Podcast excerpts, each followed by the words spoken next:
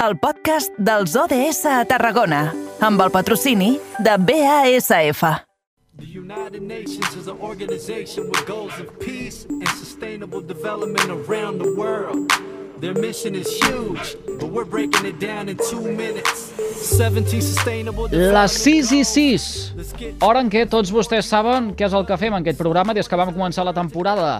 Vestir una estructura amb l'objectiu d'arribar al 2030, la dels objectius de desenvolupament sostenible. Qui ens acompanya sempre en aquest camí? Doncs el nostre company de BXC Ràdio, en Jonai González.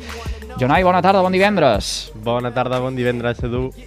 Escolta, aquest indicatiu darrer que hem escoltat del programa deia carrer Major, la marca del territori. I una de les marques del territori és que s'està treballant molt, potser no tant com eh, tocaria, però s'està treballant moltíssim en aquest recorregut al 2030, en aquests 17 objectius de desenvolupament sostenible que tantes vegades hem eh, comentat i hem eh, enumerat. I, de fet, eh, d'això en saben el municipi on ens desplacem ara, que és Vandellós i l'Hospitalet de l'Infant, on parlarem de biomassa. Uh -huh. De fet, últimament molts municipis ja estan començant a fer també altres tipus d'activitats i ho estem comentant aquí a, a la secció, eh?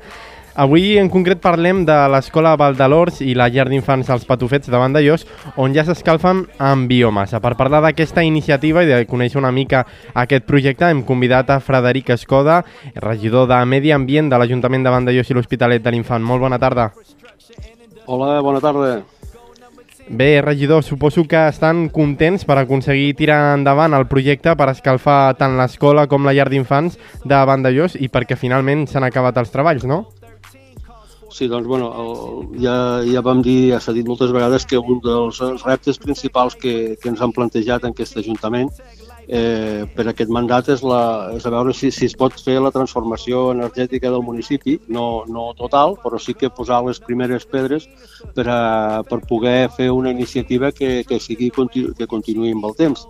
Per això, mm. doncs ara aquesta, l'última actuació ha sigut eh, fer una, una instal·lació de, de biomassa forestal a, a l'escola i la llar d'infants de Vandellós, que, que ja, actualment avui ja, ja, es, ja es fan les proves però ja s'escaufen en biomassa, i, i amb això doncs, calculem que hi haurà una reducció quasi de, de, de 15 de 15 tones a l'any d'emissions de CO2, que ja, ja és, un, és una, no res, és una mica de, de poca cosa, però bueno, eh, intentarem que això se, sigui progressiu amb, amb el temps.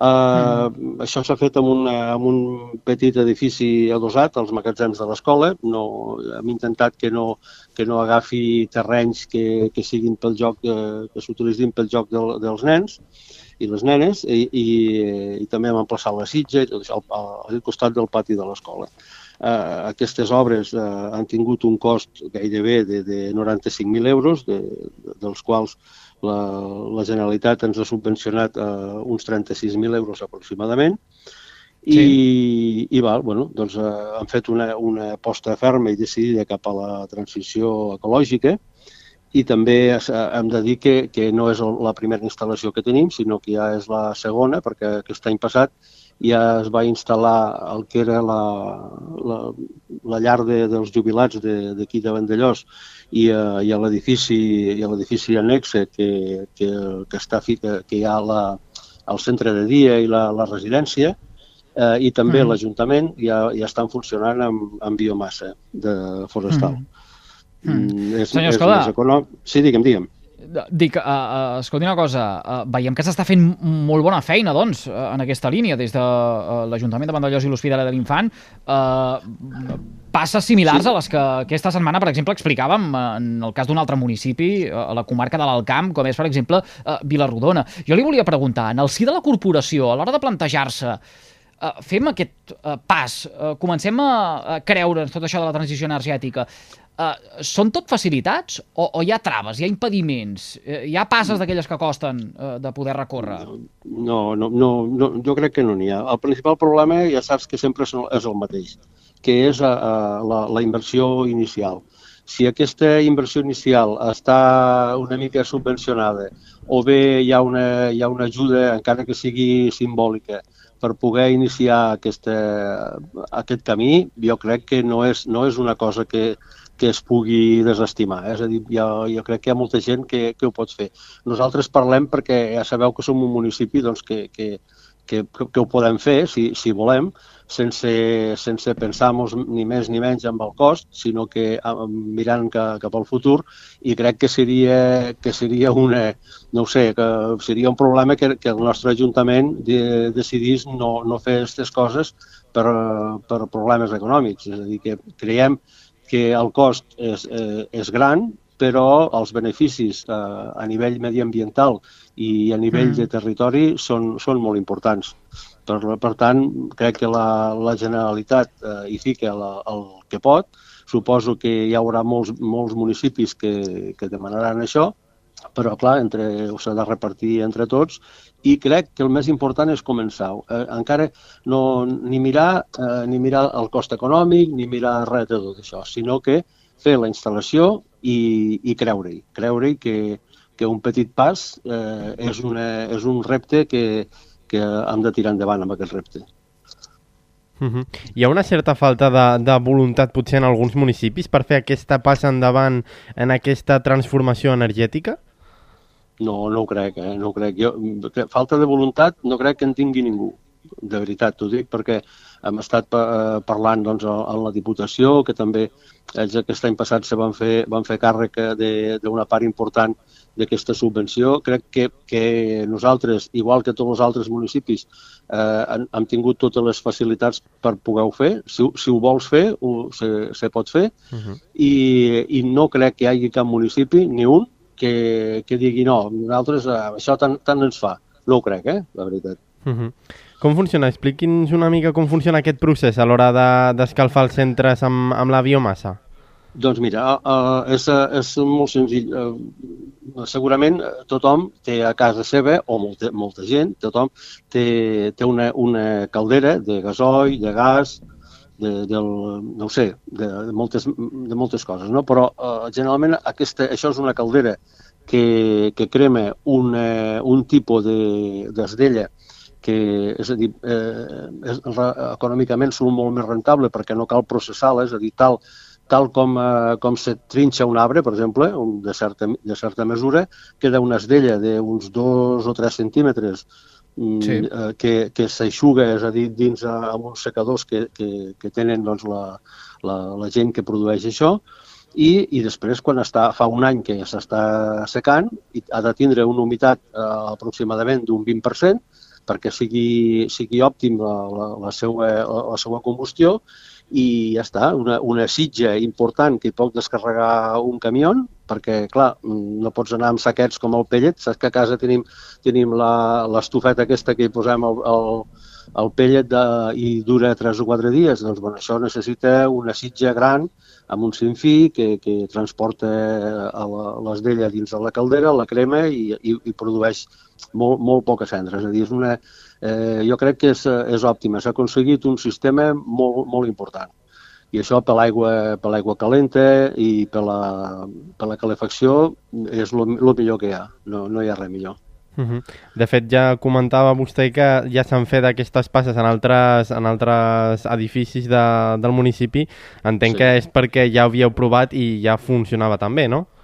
Sí, sí. A, a més, també eh, pensa que tenim que, que tenim també tota la, eh, quasi tots els, els locals eh, públics, diguéssim, com són llars, eh, llars d'avis, eh, llars de jubilats, eh, casals, tot, tots aquests ja hem instal·lat estufes de vellet.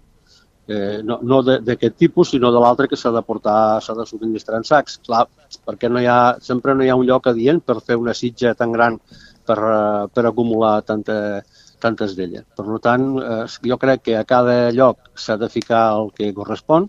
Això sí, hem, hem de tindre una, un, la capacitat de, de comprendre que aquesta, eh, aquest circuit tancat, que és eh, netejar boscos, convertir l'excedent d'aquesta llenya en, eh, en pellet o en basdella i, i consumir-la, eh, permetrà mm que hi hagi un estalvi molt important a nivell d'emissions de, de, de CO2 a l'atmosfera. Mm. Uh, uh, senyor Escola, i això s'ho plantegen uh, com, a, com a ajuntament, com a municipi? És a dir, que puguin crear uh, directament la seva biomassa per ser aprofitada en aquestes instal·lacions? Sí, eh, indire indirectament, indirectament ja ho estem fent, perquè aquí a la zona nostra hi ha una, hi ha una associació que es diu Serres de Llebreria, que, sí. que és, una, eh, és una empresa que funciona doncs, amb gent, eh, agafa gent de, de, de diverses, de diverses eh, diguéssim, situacions i, eh, i netegen els boscos. Generalment la Generalitat els hi dona, els hi dona també molta feina. I tot, aquests, eh, tota aquesta, aquesta neteja de boscos se centralitza en un assecament i és a dir, que nosaltres podem dir que, que el, el, el, l'esdella que gastem és quilòmetre zero.